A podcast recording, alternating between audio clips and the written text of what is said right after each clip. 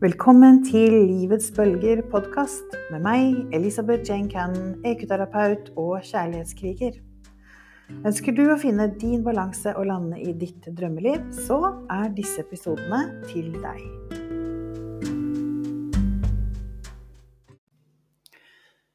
Hallo, hallo. Her er jeg tilbake igjen, og det er faktisk blitt november. Først så har jeg lyst til å bare fortelle litt rundt eh, grunnen til at eh, det ble en skikkelig lang sommerferie. Skikkelig lang pause her inne i podkasten.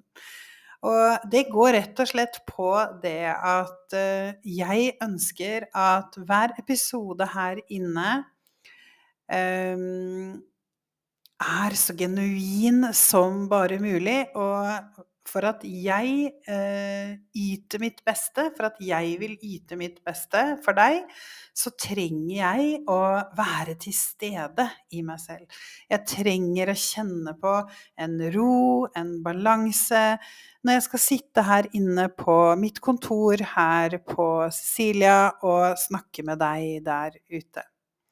Og den har ikke jeg hatt de her månedene. Det har skjedd så utrolig mye. Først og fremst så har det vært masse besøk her på Sicilia. Det har vært eh, to gründeruker. Det har vært eh, andre besøk, det har vært olivenopplevelser, og i tillegg så har det vært gjester som har kommet hit, og som jeg har vist rundt på, på Sicilia. Og jeg var også en måneds tid i Norge. Faktisk har jeg vært to ganger i Norge på de her månedene. Og, eh, og da trengte jeg bare å lande i meg sjøl. Kanskje du også kjenner deg igjen i det. Eh, håper jeg at ikke det bare er eh, meg.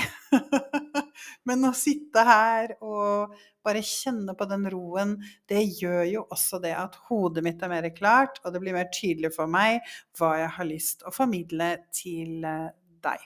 Det er mye spennende som skjer nå utover. Mange spennende gjester som vil komme her inne i Livets bølger podkast. Og en av de, hvis du følger meg på Instagram, har du sikkert allerede sett at jeg har spilt inn en episode med Kristine Skilling Tøra, som har skrevet den fantastiske boka 'Ikke ta deg sammen', en annerledes bok om angst. Eh, og den kommer i neste episode. Men jeg hadde lyst til å starte denne startupen igjen etter gåseøynene sommeren. Eh, sommeren er jo lang på Sicilia. Her er det akkurat nå, for øyeblikket 3. november, så er det 22 grader. Så jeg har jo fortsatt litt sånn summer feeling. Um, så hadde jeg lyst å starte episoden, eh, eller sesongen, med noe helt annet enn å gå rett på angst. Så jeg ville starte med en liten sånn um, gledespille, på en måte. En liten sånn um, lite innsyn inn i mitt liv, inn i der hvor alt starta, i forhold til at jeg i dag sitter her på Sicilia og kjenner på ro, balanse og kjærlighet, både for meg sjøl og for mannen som jeg nå har i mitt liv. Um, ja. Så det blir en litt annerledes episode i dag. Det vil være litt grann spirituelt. Um, kanskje litt mer enn lite grann. Um, det vil handle om egenkjærlighet, om uh, ubetinga kjærlighet. Unconditional love. Det vil bli en liten del på engelsk, fordi at jeg har fått Gigi i tale, faktisk, til denne episoden her i dag. Så det vil komme litt grann fra han. Um, ja. Først og fremst vil jeg snakke om uh, bare hvor det starta hen. Min opplevelse rundt det. Og litt til slutt om hvordan er det egentlig å finne en mann, en ny mann, når traumene dine er fra et parforhold. Og hvordan er det for den mannen egentlig å ta imot den kvinnen som kommer med hele seg inn i hans liv. Så ja, God lytting. Jeg håper at du vil like denne episoden, eh, som nå jeg vil begynne å skape for deg.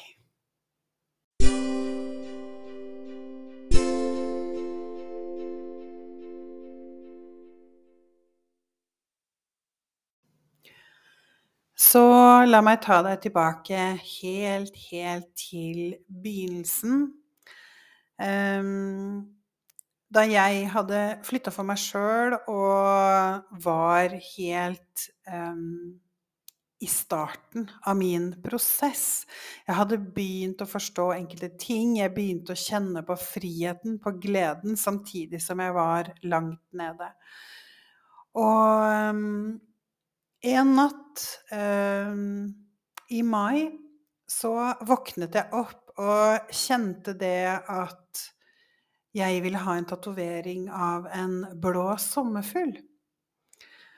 Og den har jeg nå på eh, høyre håndledd, baksiden av høyre håndledd, eller en underarm. Og jeg var jo veldig glad i sommerfugler eh, fra før, som veldig mange er. Men eh, jeg hadde på en måte ikke hatt noen sånn spesiell formening om akkurat det. Det jeg hadde hatt lyst til lenge, var å få en tatovering. Jeg hadde ingen fra før. Og jeg hadde lyst til å få en tatovering som på en måte viste båndene til mine barn. Jeg hadde tenkt en sånn liten infinity-sak. Eh, også på liksom, hånd, liksom baksiden av eh, håndleddet, da. Um, men jeg våkna som sagt denne morgenen og kjente at jeg ville ha en blå sommerfugl. Og vips, så hadde jeg da en eh, blå sommerfugl. Så sporer vi framover. Spor framover til sommeren. Det er sommerferie, og jeg sitter ute i hagen en kveld på um, utenfor den leiligheten som jeg leide, som lå rett i skogkanten. Og der kommer det en eh, brun sommerfugl, en stor brun sommerfugl. Og eh, hvis du går inn på min Instagram og finner innlegget om denne episoden, så deler jeg både bilder av den blå sommerfuglen jeg fikk tatovert, og denne brune sommerfuglen. Fordi den brune var faktisk rundt meg og rundt den lille hunden min i hvert fall en halvtime. Den var ikke redd. Den satte seg ned på bordet, på et sånt gelender som var eh, i hagen min. Den satte seg faktisk også på bakken rett ved siden av hunden min og ved siden av stolen min. Um, og jeg har alltid vært åpen. Og jeg er mye mer åpen nå enn jeg har vært tidligere, og det vil jeg snakke mer om i en annen episode. Men jeg hadde Jeg har alltid hatt en connection med min bestefar. Med min farfar, som på det tidspunktet var død, men som da var fra Skottland og bodde mesteparten av livet sitt i England. Men flytta på de, de siste årene så flyttet han til min onkel i Australia. Men vi eh, brevveksla mye. Han var mye hjemme hos meg da jeg var liten. Eh, og var hos oss i sånn tre måneder av gangen. Og jeg hadde et veldig nært forhold til han, og jeg kunne snakke med han om alt. Og jeg har alltid følt han veldig nær meg. På dette tidspunktet så var ikke min egen pappa død ennå. Eh, så det var naturlig for meg da, når jeg fikk en slags feeling med denne sommerfuglen, og tenke at det var min bestefar. Og min bestefar, han het John Valentine. Og jeg syns det er så nydelig, for han er født på valentinsdagen. Så jeg tenker på hun ungjenta på The Scottish Highlands som bestemte seg for at denne lille gutten skal hete Valentine. Han var aldri noe særlig glad i det selv, så han skrev alltid John V. Punktum. Men han het altså John Valentine. Og det som er litt uh, morsomt midt oppi det her òg, som jeg vil at du husker nå for resten av denne episoden, fram til jeg begynner å fortelle mer, er at min andre bestefar, min morfar, han het også John. Så begge mine bestefedre het John og John, faktisk.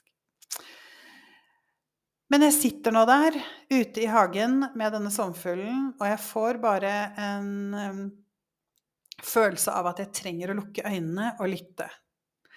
Og da jeg gjorde det, så kom det til meg Han er der ute og venter på deg. På det her tidspunktet så trenger jeg å si at jeg hadde ikke i det hele tatt forestilt meg at jeg ville uh, var på utkikk etter noen ny mann. I det hele tatt. Jeg hadde mer enn nok med meg selv. Men jeg hadde jo alltid hatt en drøm om en uh, mann. Jeg hadde skrevet mye om det i dagboka mi da jeg var 15-16.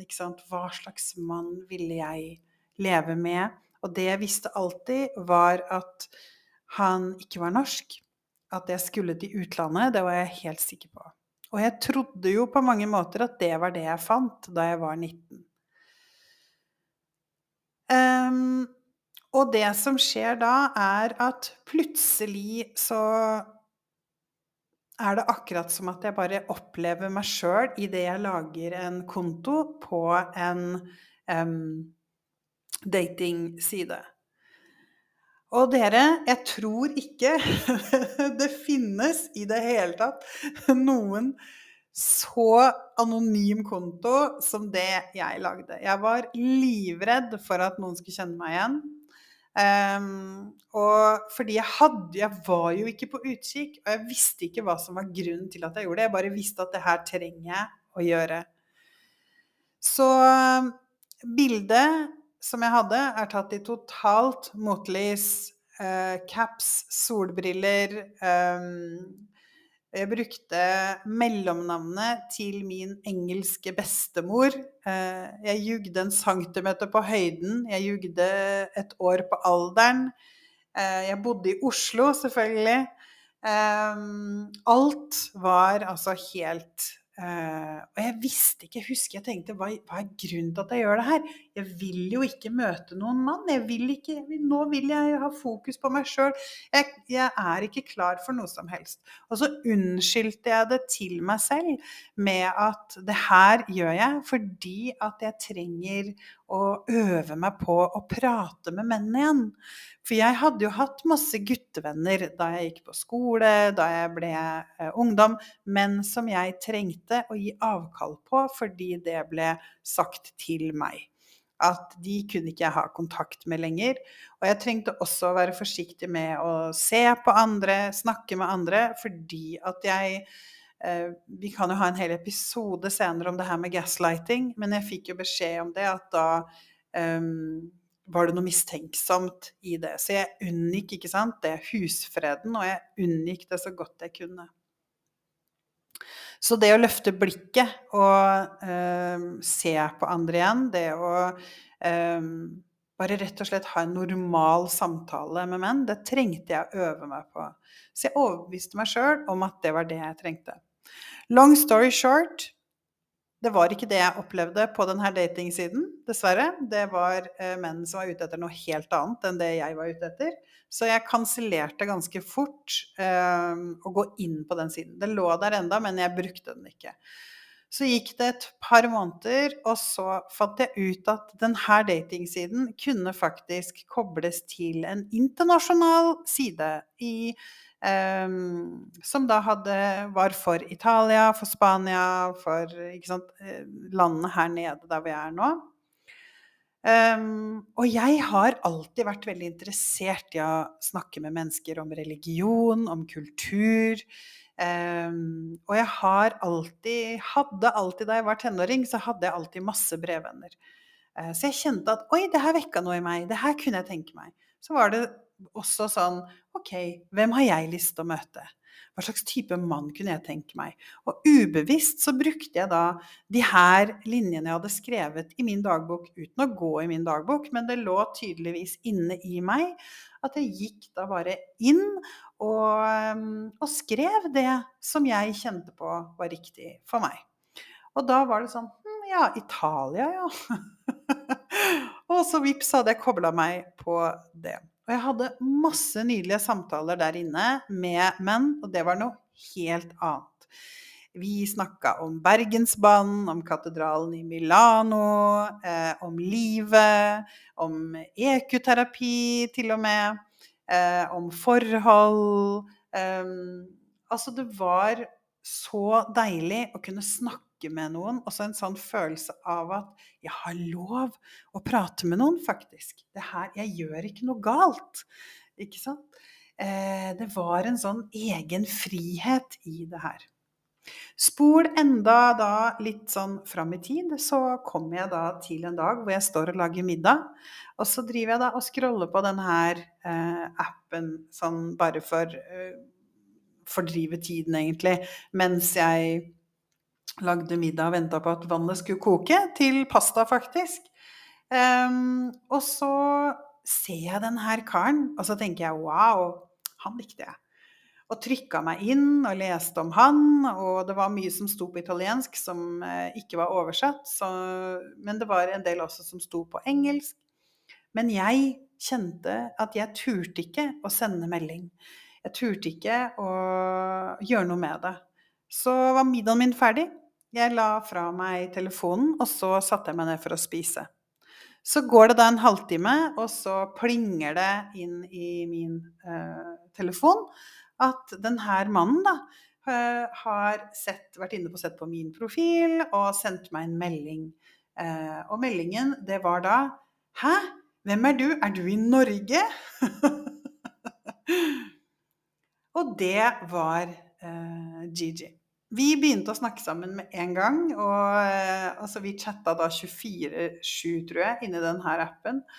Og det her var en fredag, tror jeg, så i løpet av helgen så skulle han da ut og spise med venner, som jo er vanlig her på, på Sicilia på lørdager. Og jeg satt jo der aleine i leiligheten min, da, og så bestemte jeg meg for at oi, det her var spennende. Um, og jeg gikk inn i hans profil, og så bestemte jeg meg for å oversette det som sto på italiensk. For jeg ante jo ikke hva det betydde i det hele tatt. Brukte da takk og pris for Google Translate, så inn der og kopier og lime inn.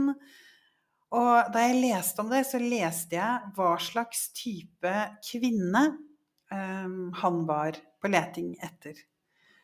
Og når jeg leste det, så tenkte jeg Ikke bare tenkte, men følte Det her er jo meg. Men det her er jo meg. Og jeg tenkte det at jeg har ingenting å tape. Jeg har absolutt ingenting å tape på å sende en melding. Så det, jeg, det gjorde jeg. Jeg sendte han en melding. Fortsatt så var vi bare i chatten på denne datingappen. Så jeg sendte han en melding da og skrev at jeg har akkurat eh, lest det du skrev. Det, jeg vet ikke hva som er grunnen til dette, men det gikk rett i hjertet på meg. Uh, og jeg har bare lyst til å si til deg at liksom jeg tror jeg skrev noe sånt som at eh, tusen takk for at du er så, det er så nydelig at du, så, at du, har skrevet det så tydelig hva du ser etter. Um, ja. Noe, noe sånn lignende rundt det skrev jeg. Og så våkner jeg da på søndag morgen, og så har jeg fått svar.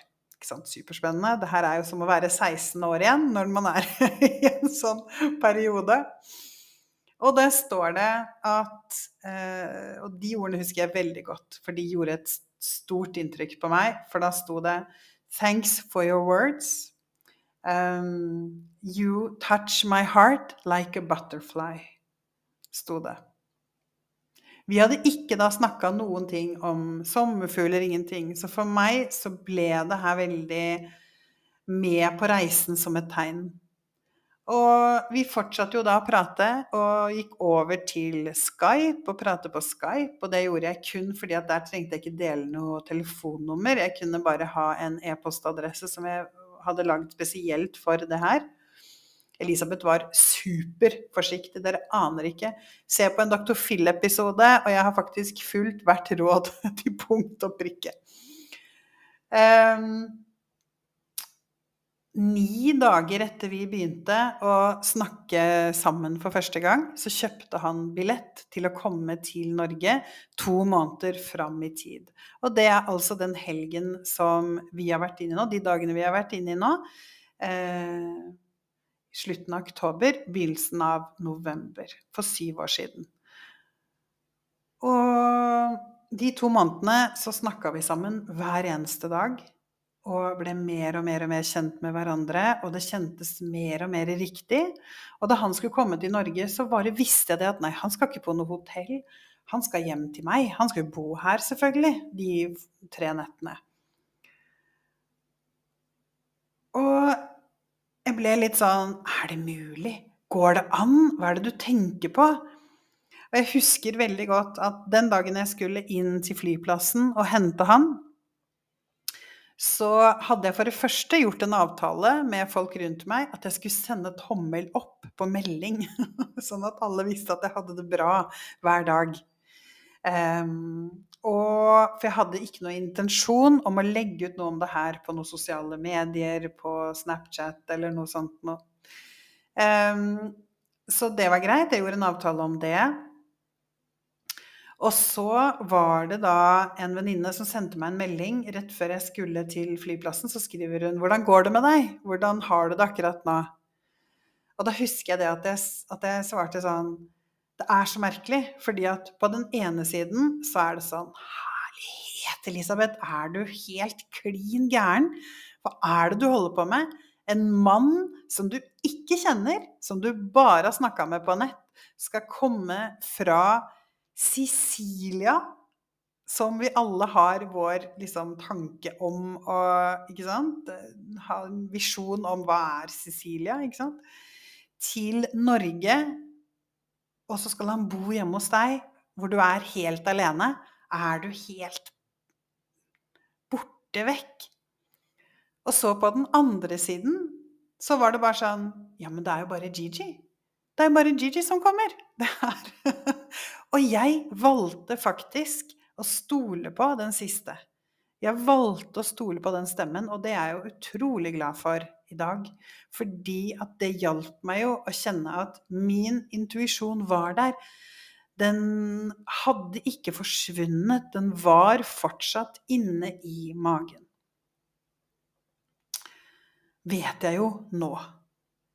Så jeg drar da inn til eh, flyplassen, og da jeg kom inn der, så var jeg så stressa. Kjempestressa. Eh, og så kommer han ut i ankomsthallen med det største smilet ever. Altså, jeg er sikker på at det gikk helt rundt. og han var så rolig og happy, og det var så naturlig. Og Elisabeth, hun ble en sånn 16 år gammel fnisejente som jeg ikke kjente igjen i det hele tatt. Så han ble litt forvirra av det, men så gikk det liksom noen få minutter, og så landa jeg meg sjøl igjen. Så bilturen på vei hjem var så koselig. Vi skravla som vi pleide å gjøre. Og det som var så rart, var at det kjentes helt naturlig. Og enda mer rart var det da vi da kom til leiligheten. Jeg hadde jo en liten hund, som sagt, og var litt sånn skeptisk til For han hadde begynt å bli veldig um, beskyttende overfor meg når det kom folk på besøk. Um, men med en gang som eh, Gigi kom inn, så løfta jeg bare han opp sånn at han kunne hilse på han, og han begynte med en gang å sleike han på hånda. Det var ikke et eneste bjeff ever. Han har absolutt aldri bjeffa på Gigi. Det var ikke ett bjeff. Og så går vi inn i leiligheten, og eh, Gigi setter seg i sofaen, og så trenger jeg å gå en tur på badet. Ikke fordi at jeg måtte på do, men bare fordi at eh, jeg trengte å puste litt. Fordi det her ble veldig stort for meg. Litt sånn Kjære vene, skjer det her virkelig? Um, og så er jeg der kanskje fem minutter, og når jeg kommer ut av badet, så ligger da Gigi sånn halvveis bak, tilbakeoverlent i sofaen med øynene lukket og, liksom, og slapper helt av. Liksom har nesten sovna eh, etter den reisa til Norge, som jo var helt nytt for han. Um, og ikke bare det, men hunden min ligger på brystet hans og sover. Og i det øyeblikket så kjente jeg bare Det her er jo bare sånn det skal være. Og den helgen så begge to fikk en sånn følelse av at det var bare avslappende å være sammen. Deilig å være sammen. Det var som å komme hjem. Det var som at han kom hjem, og for han også så fikk han òg den følelsen av å komme hjem. Og jeg hadde en sånn følelse av at det var som om han hadde vært på kurs og kommet hjem igjen. Og som sagt så har jeg òg snakka litt med Gigi før denne episoden, så nå skal du få høre litt om hva han følte da han kom inn i leiligheten første gangen.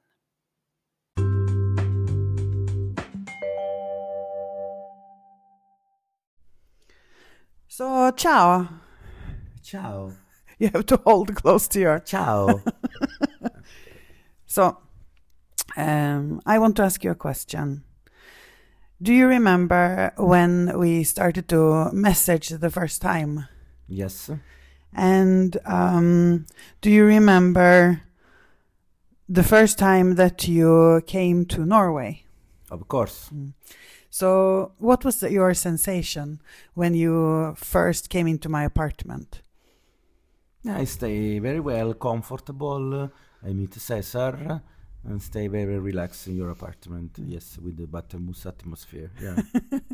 So, Feeling- mm, with the mm. buttermousse feeling. Yes. mm. So, buttermousse is a new word for my listeners. So, can you explain what is the reason that you say buttermousse? Who is buttermousse?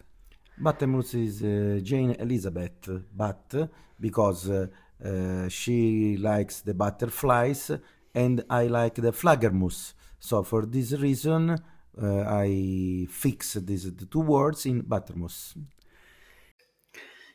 Ja, der fikk dere også litt informasjon om eh, kallenavnet som jeg har.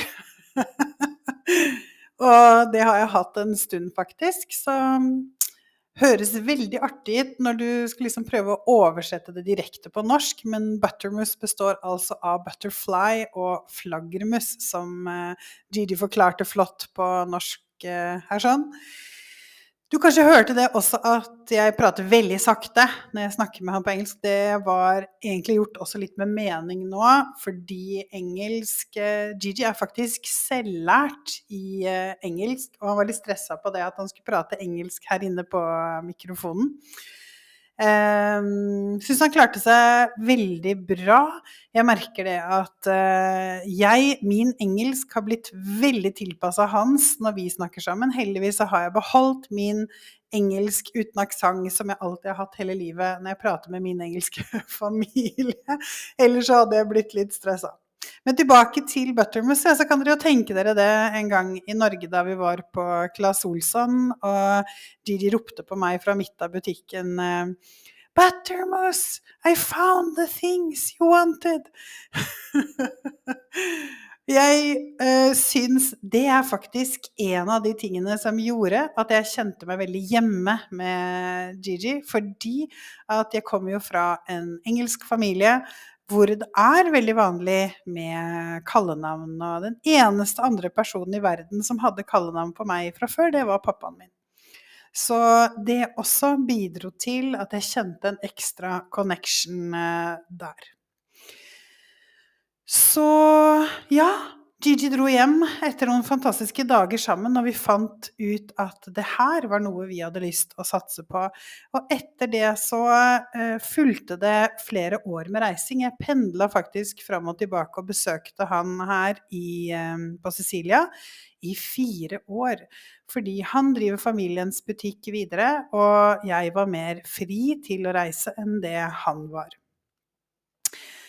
Det som skjedde, var at jeg starta med å reise hit noen få dager, og så ble det noen uker, og så etter hvert, så i eh, 2018, sommeren 2018, så fikk jeg også da muligheten til å være to måneder. Jeg fikk søke om permisjon og var her i to måneder. Og det var også da jeg hadde min oppvåkning eh, og forsto livet mitt. Og det var jo også gjennom forholdet med Gigi. Det her å plutselig forstå hva det vil si å leve i et normalt forhold. Men det som også skjedde da, eh, og spesielt begynte da når jeg var her over lengre tid Det var ikke noe vi var borti når jeg var her i fire-fem dager, eller han var i Norge i fire-fem dager, eller en uke her og en uke der. Men når vi først var sammen i de to månedene, så eh, landa jo livet litt på en annen måte. Eh, og jeg begynte å eh, kjenne på triggere. Jeg har jo mine traumer ifra et parforhold, og det er jo da helt naturlig at det skjer ting i forhold til den nye partneren. Ting som han sier, ting han gjør, som kanskje trigger noe i meg. Og for meg og Gigi så kunne det være noe så enkelt som jeg husker en sommerdag da i 2018 hvor Um, Gigi er ikke på noe slags sosiale medier, han er ikke opptatt av det i det hele tatt. Og han har faktisk ikke hatt smarttelefon så veldig lenge, og han er ikke avhengig av den på en måte sånn som vi mange av oss andre er. Um, han er en veldig analog person. Og så skulle vi på stranda, og så bestemte han seg for at han skulle legge igjen telefonen. Eh, rett og slett i sommerleiligheten som vi var i, og ikke ta den med seg på stranda. Vår rutine når vi er på stranda, er at han Vi finner en strand hvor jeg sitter og koser meg med boka mi, soler meg, ikke sant. Jeg har min greie ute og bader og tilbake. Mens han, hans favorittsyssel på stranda, det er å dykke ned og fange blekksprut. Det, det, er livet til Elisabeth nå. Det her å dra på stranda for meg plutselig blitt nå i 40-50-åra. Eh, sånn at jeg visste jo det, at han da skulle være ute, ikke sant. Han er jo da vekke, og alle tingene hans er på stranda med meg, mens han dykker ute og er borte kanskje opptil en to-tre timer. Og når han da la igjen den telefonen hjemme, så husker jeg så godt at jeg satt i bilen, og jeg prøvde å ikke tenke på det. Jeg prøvde å ikke tenke på det. Fordi naturlig for meg da var, som hadde hatt en eks som gikk med um, mobilen sin i bukselomma på pysjbuksa, um, var Hvorfor legger han den der? Hva skjer nå? Hva er grunnen til det? Hvorfor skjer det? Hvorfor skjer det? Og så banka jeg meg faktisk så mye opp enda Jeg husker at det var akkurat som det var en slags kamp inni meg, eh, hvor en del av meg var eh, Slapp av, det her Det handler ikke om det her, liksom. Ta det med ro. Eh, dette er et annet liv, det her er en annen mann, bla, bla, bla. Eh, mens den andre delen av meg var sånn Herregud, herregud, herregud. Å nei, å nei, å nei. Og gira meg opp. Så det det egentlig var for meg, var en kamp mellom trigger og intuisjon. Er det her en trigger fra fortiden, eller er det intuisjonen din? Har du rett? Har magefølelsen din Er det intuisjon? Eller er det en trigger? Og den har jeg slitt med lenge. Mange, mange, mange ganger opp igjennom vårt forhold. Og vi var halvveis til Vi var nesten framme ved stranda, men han merka jo det at jeg ikke var meg sjøl. fordi at mens jeg satt der og kjempa med kroppen min og tankene mine og pulsen min og alt det her, og prøvde å holde fasaden og virke rolig, gleder meg til å dra på stranda, så merka jo han at jeg slutta å prate. Jeg snakka jo ikke, og jeg var så inn i meg sjøl at jeg hørte heller ikke at han snakka til meg. Så han, til slutt så tar han hånda si på eh, kneet mitt, og så sier han 'Går det bra? Hva skjer?' Og, eh, og da jeg, klarte jeg ikke å si noen ting. Og så sier han med en gang, og det er det som er så fabelaktig med den mannen jeg har møtt, er at han forsto det med en gang. Så han sier til meg er det at jeg la igjen telefonen min? Og da var det akkurat som en demning brast, og jeg var bare sånn Ja! og i det øyeblikket så fikk jeg et angstanfall, og jeg fikk problemer å puste. Og han måtte da bare stoppe bilen. Det var aller første gangen han opplevde meg med et angstanfall her på Sicilia. Jeg hadde hatt det i Norge. Eh, ikke pga. han, men pga. ting som skjedde i forhold til eh, min eks, for jeg gikk jo ikke no contact med en gang.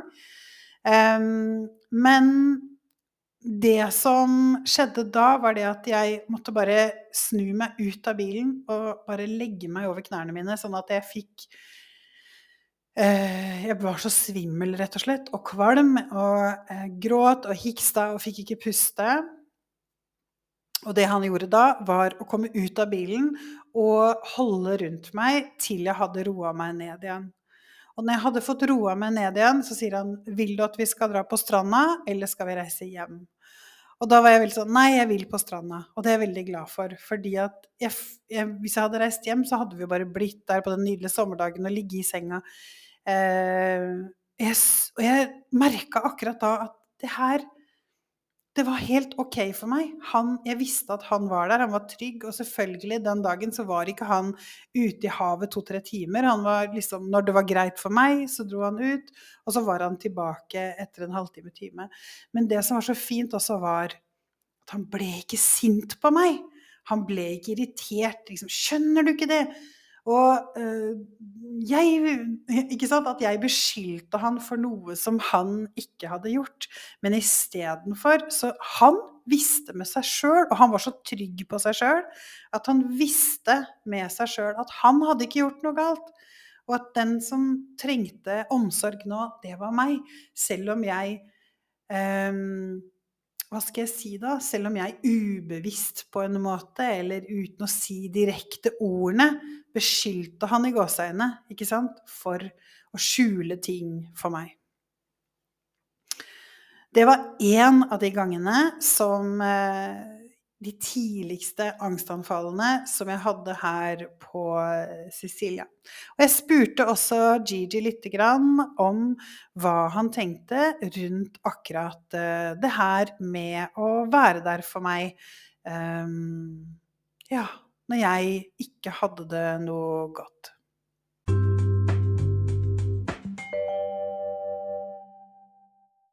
And then, after some time, um, I stayed with you a lot in Sicily.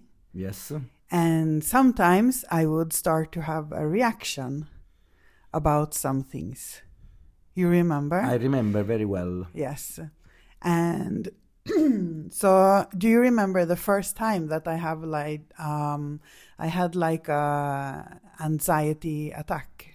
Yes. Uh, and uh, do you remember for which reason? Uh, probably for your past. Mm. Exactly, but you don't cancel totally. And for this reason, uh, sometime arrive this uh, ghost mm. in your life, uh, you become a dumus. I become dumus. Yes, this you have to explain. Uh, dumus, what is this? Dumus is uh, like Dr. Jekyll and Mr. Hyde. There is Buttermus and Dumus. Dumus is from Doom. When arrive the, the Dumus, uh, the, the, the, the life change. Uh. So I remember when you started to use this word, dumus, and uh, we decided that um, this word would be like a message from you to me that you would like wake me up from my reaction. Exactly. Do you remember? I remember. Yeah. Ja, der fikk dere det andre kallenavnet som Gigi har laget. Og det er faktisk et kallenavn som jeg aldri tok personlig, eh, selv om det da var liksom basert på ordet dum.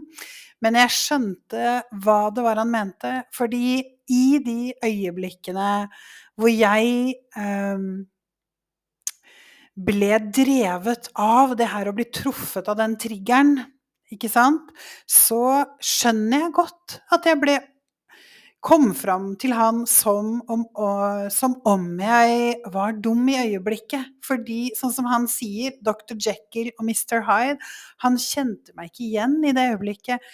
Plutselig forvandla Elisabeth seg fra en veldig rolig, balansert, harmonisk, elskelig person til den her furien av ei kvinne som ikke var på plass i seg sjøl i det hele tatt, og som ikke forsto egentlig sjøl heller hva som skjedde med meg i det øyeblikket.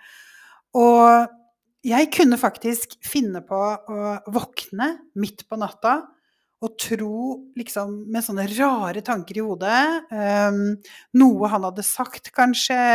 Kanskje jeg også hadde mareritt. Um, det kunne være forskjellige ting som jeg kanskje hadde også holdt på kvelden før, istedenfor å spørre han om det. Fordi at jeg ville ikke være den personen som mistenkte. Jeg ville ikke være den personen som kontrollerte og manipulerte fram ting. Um, og jeg tror at det nok er en del av det som vi ofte føler på, vi som har levd i forhold med psykisk vold, med narsissister, psykopater, hvor vi blir så eh, Vi har vært så inni det her at når vi får reaksjoner som er naturlig etterpå, etter vi har kommet oss ut av det, så kan det være en del av oss Og det her vet jeg er helt normalt. Det skjer med mange overlevere. Er jeg blitt narsissist? Har jeg blitt psykopat? Er det jeg som er gal? Og, ha, og, kanskje har du, som meg, også blitt kalt gal i forholdet. Så det istedenfor da å kunne begynne å komme såpass på plass i meg sjøl også gjennom EQ-terapi, at jeg da det her skjedde i mitt forhold med Gigi, så Altså, det kunne være så enkelt for han, egentlig, å bare si 'Nå holder det. Dette gidder jeg ikke. Reis tilbake til Norge.' Ikke sant? Det kunne vært så enkelt. Jeg vekte han midt på natta for å spørre han spørsmål som jeg skjønner at han syns var dumme. Spørsmål som jeg ikke klarte å sove fordi jeg trengte å spørre han om hvem er hun Isabella? Ikke sant? Hvem er det? Hvorfor skjedde det? Hvorfor? Hva er grunnen til at du ikke hadde med telefonen din? Hva er grunnen til at du slår av telefonen når du legger deg? Ikke sant? Jeg kunne spørre om sånn helt idiotiske ting, men som for meg ble skikkelig triggere, fordi i mitt ekteskap så var det er lik utroskap. Fordi alle de her tegnene i mitt ekteskap var Hadde jeg rett på at hadde med utroskap å gjøre. Hadde med falskhet å gjøre. Hadde med manipulasjon og kontroll å gjøre. Og nå var det plutselig jeg som gjorde det her. Og heldigvis, jeg er så takknemlig, så har jeg møtt en mann som møtte meg på det. Som ønsket å lytte til meg, og som var ærlig tilbake. Og så klarte vi å være ærlige sammen. Og som vi sier i det klippet her, bestemte oss for at når jeg forsvant inn i det her, så kunne han ha det som et sånt nøkkelord. Du vet, et sånt ord som liksom løsner det litt, som får deg til å våkne litt. Oi! Og det ble det ordet for meg. Da fikk jeg en sånn Oi, er det sånn du oppfatter Er jeg sånn nå? Er det sånn du oppfatter meg nå? Jeg trengte han til å si det ordet for at jeg skulle klare å våkne og komme ut av det her gamle mønsteret mitt. Ikke sant? Få på plass det her. Kunne stole på han. Sant?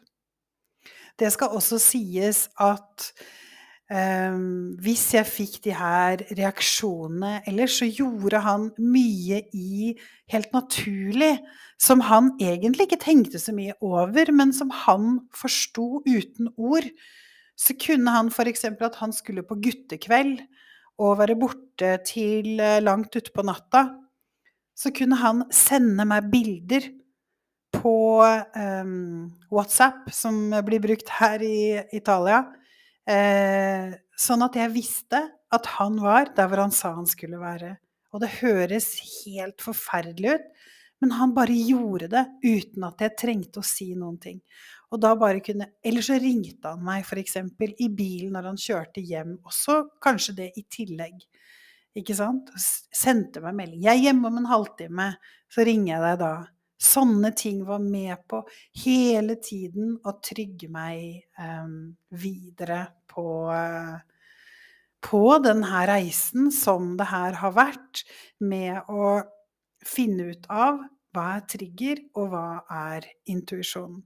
Og etter hvert som vi da jobba sammen mot det her målet, så, og målet var at jeg skulle falle på plass i meg sjøl, og at vi ville leve det livet som vi visste lå der for oss, tilgjengelig for oss. Og det at jeg også så på hver trigger som en gavepakke, gjorde at hver gang jeg kjente på det her, så kunne jeg gå inn, jeg kunne kjøre en egen terapi, eller jeg kunne kontakte en annen ekoterapeut og få terapi, for da visste jeg oi, her trenger jeg å jobbe mer med meg sjøl. Jeg spurte også Gigi om hvordan det var for han da jeg hadde disse angstanfallene, og hva han tenkte rundt akkurat eh, det her, og det å ta imot eh, en kvinne i sitt liv som kommer med denne bagasjen.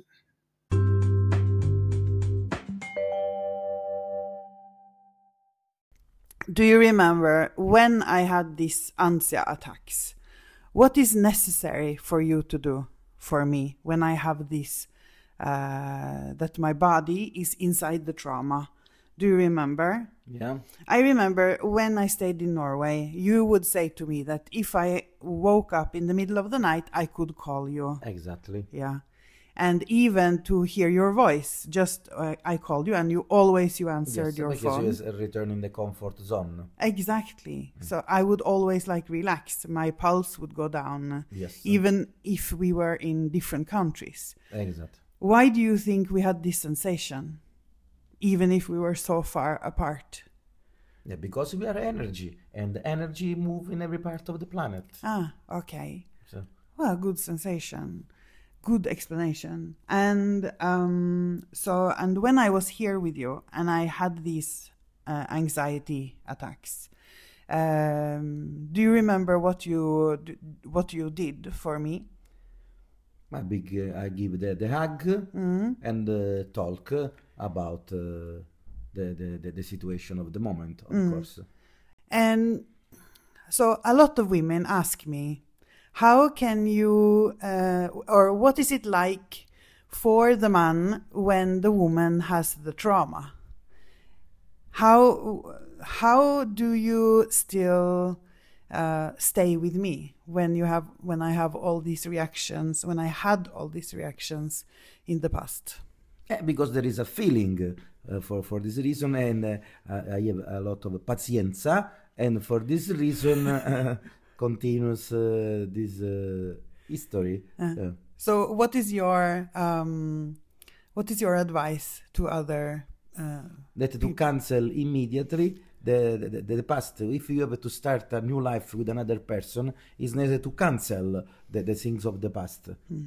And if it's difficult to cancel, do you think it's important to, um, for example, if you are with a man and you notice that you uh, have these reactions like I had because I had reactions with you. I remember you you have said I think we cannot put on paper. There are a lot of times that you have said I am not your ex.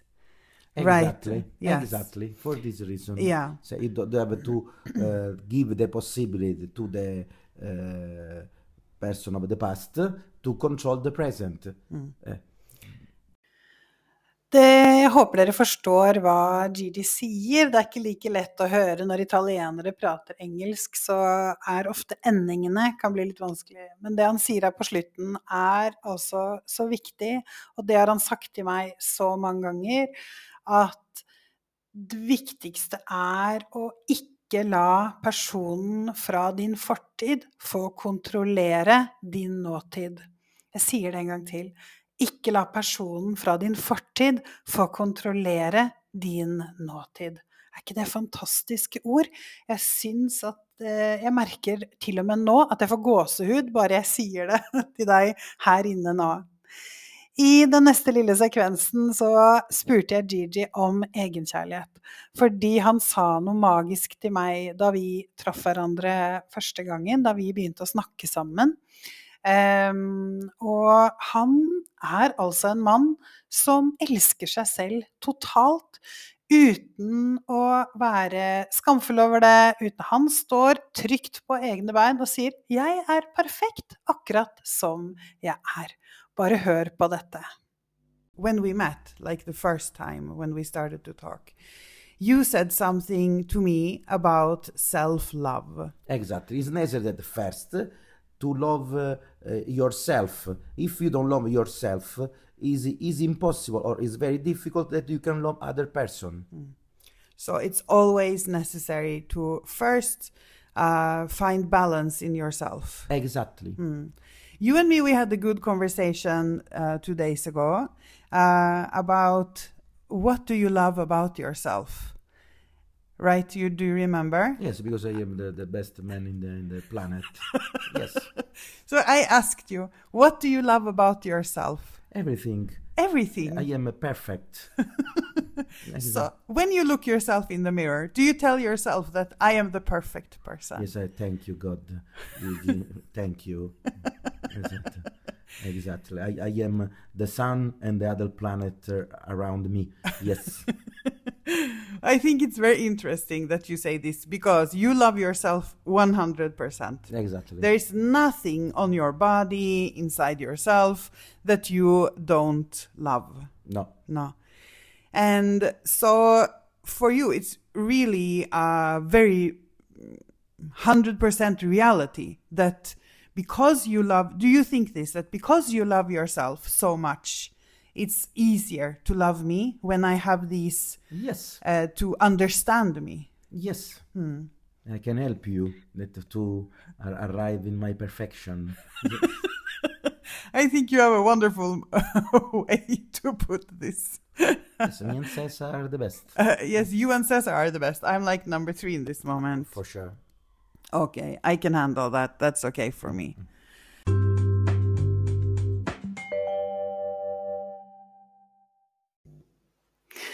Ja, som dere hører, så er det mye humor i vårt liv sammen. Og det var absolutt noe jeg savna i mitt forrige liv, fordi at jeg har vokst opp med humor. Og det å komme hit til Sicilia og møte Gigi og hans familie, det var som å komme hjem for meg også. Vi, vi følte det på samme måte både med Sicilia og Norge, at det var for oss, hver for oss å komme hjem. Eh, jeg har som sagt vokst opp med en engelsk familie, masse, masse deilig humor. Og eh, det fant jeg igjen i Gigi. Og det her med egenkjærligheten Cæsar er forresten da min lille hund, min lille chihuahua, eller vår hund nå, som eh, faktisk nå straks er elleve år. Um, og han, det er sånn at når Gigi kommer hjem Gigi har aldri vært gift, han har ikke barn. Uh, og når han kommer hjem hver kveld, så sier han uh, 'Hvor er sønnen min?' Eh, så de to de er uatskillelige. Så jeg kommer inn da på en god andreplass, eller tredjeplass i viktigheten i familien her. Men det, det går helt fint. Men ja, egenkjærlighet, er det ikke magisk? Det her med å bare kjenne eh, Å få altså en mann som sa til meg, og som levde i det her, altså det er helt reelt, han lever i det her 100% at du trenger å elske deg selv først. Det var noe av det første han sa til meg. Um, My first love is, is me. If I cannot love me, I cannot love you. Og det er så sant som det er sagt. Helt til sist nå har det her blitt en fryktelig lang episode. Mye lenger enn det jeg trodde den kom til å bli. Jeg vil fortsatt fortelle deg litt mer om det her som jeg var inne på helt i starten av episoden. Den spirituelle delen av hva som er grunnen til at jeg er her. Hva jeg mener er grunnen til at jeg er her på Cecilia i det her livet. Hvordan kunne det bli sånn egentlig? At jeg var som en fugl inni et gyllent bur. Det var gyllent bare på utsiden, og døra var åpen, men jeg hadde ikke vinger til å fly. Jeg var helt vingeklippa.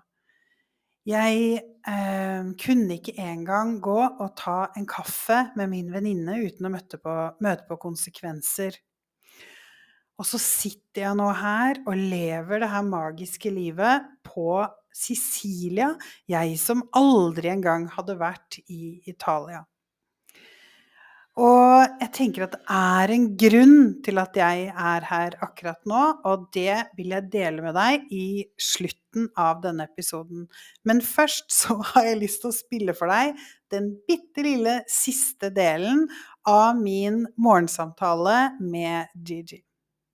And so, um, because you you been a big part to teach me that it's important to live in the moment. Exactly. Yeah, and I have the sensation that it's not just you, but it's the life in Sicily. Would you say this? That in Sicily, the people live in the moment. Yes, because we have the sun always, Yeah. and the sun gives good energy. This is true. Uh, yes, Yeah, exactly. Yeah, because Sicilians have a way of, like, you have busy lives. Like, um, exactly in this moment, you are going to work, and I know you are in the work modality. Exactly, because it's the last question, uh, other thousand questions.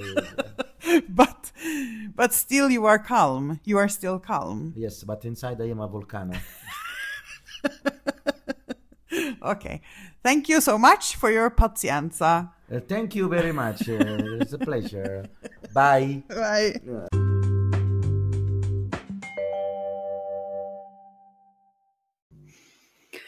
Ja, der holdt det for mannen å være med og delta litt i eh, dagens episode. Jeg er veldig takknemlig for eh, de små snuttene.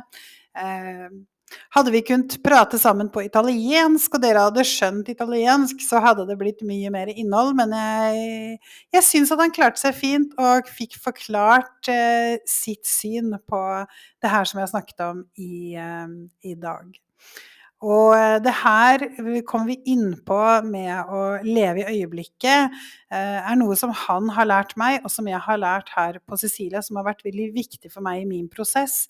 Fordi når du lever i et forhold med kontroll og manipulasjon, så går du på eggeskall.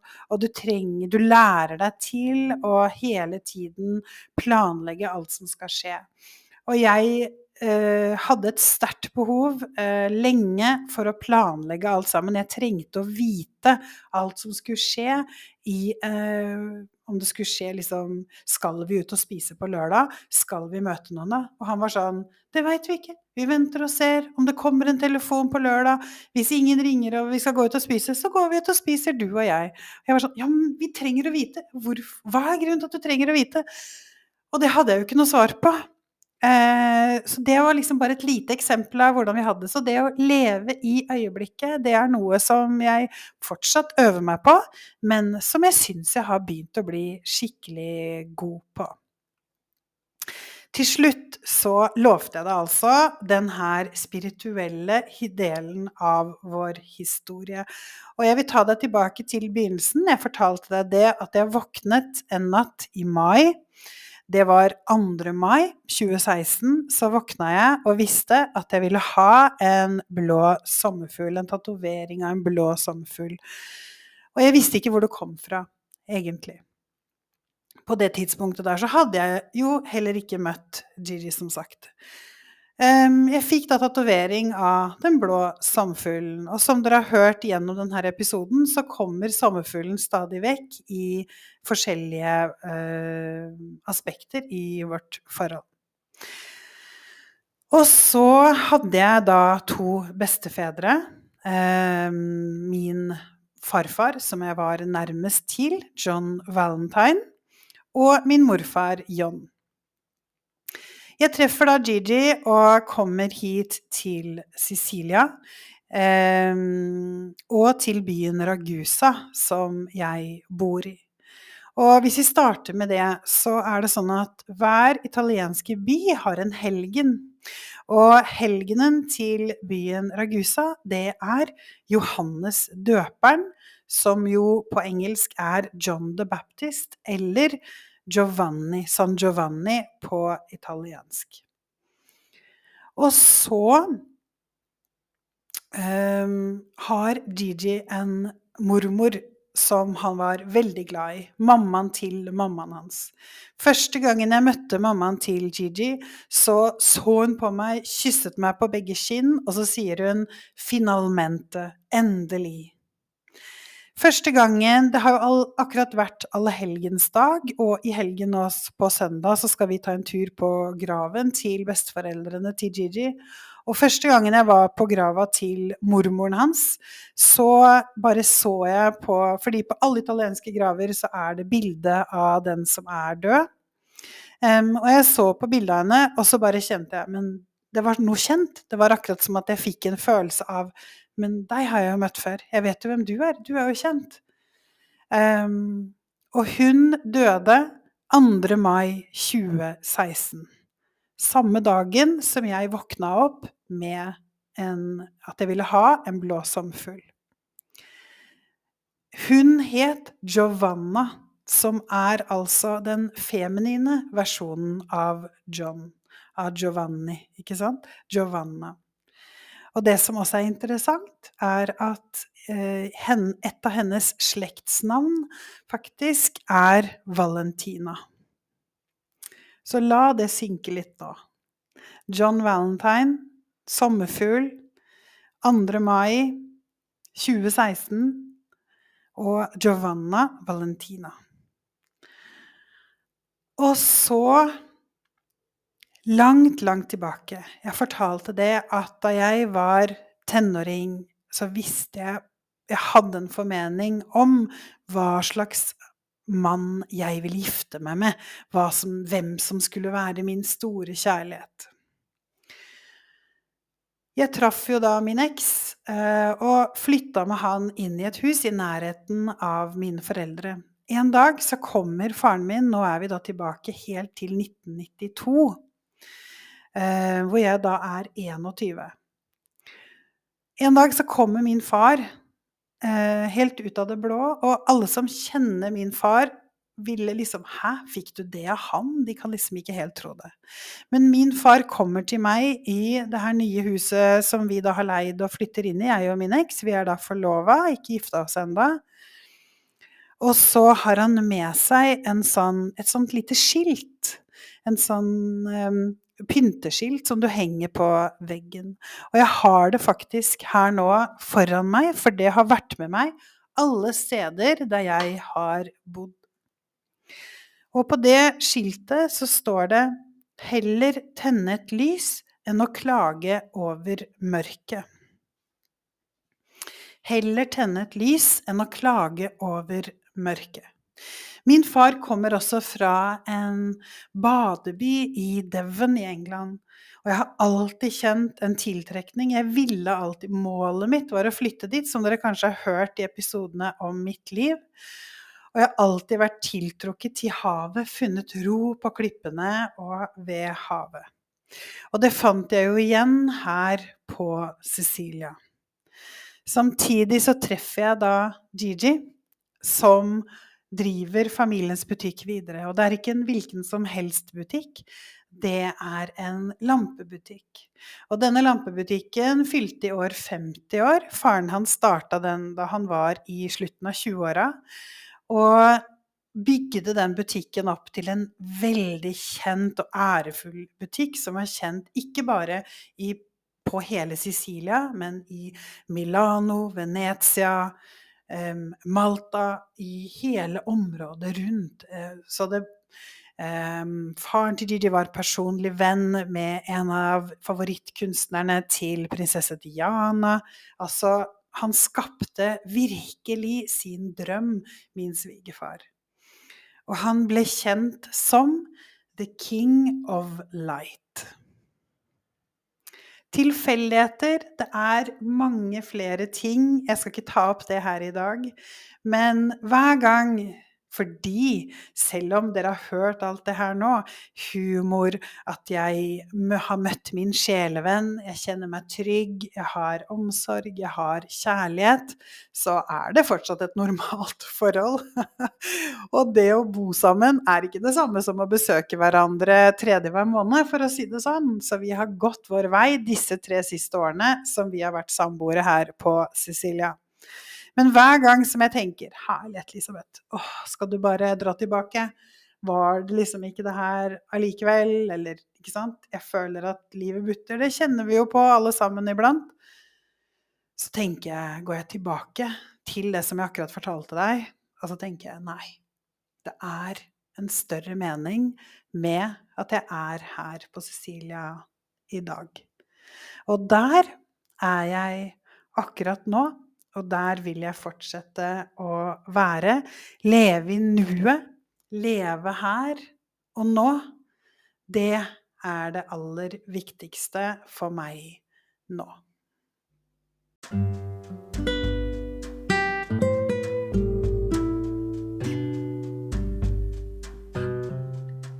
Tusen takk for at du lyttet til denne episoden. Og ønsker du at flere skal få med seg denne podkasten Min livets bølger, så del gjerne videre. Gi en stjerne. Og send meg også gjerne en melding eller en kommentar. Du kan gjøre det på e-post. Post krøllalfa livetsbolger.no, eller send meg også gjerne en DM på Instagram, der du finner meg på kontoen Livets.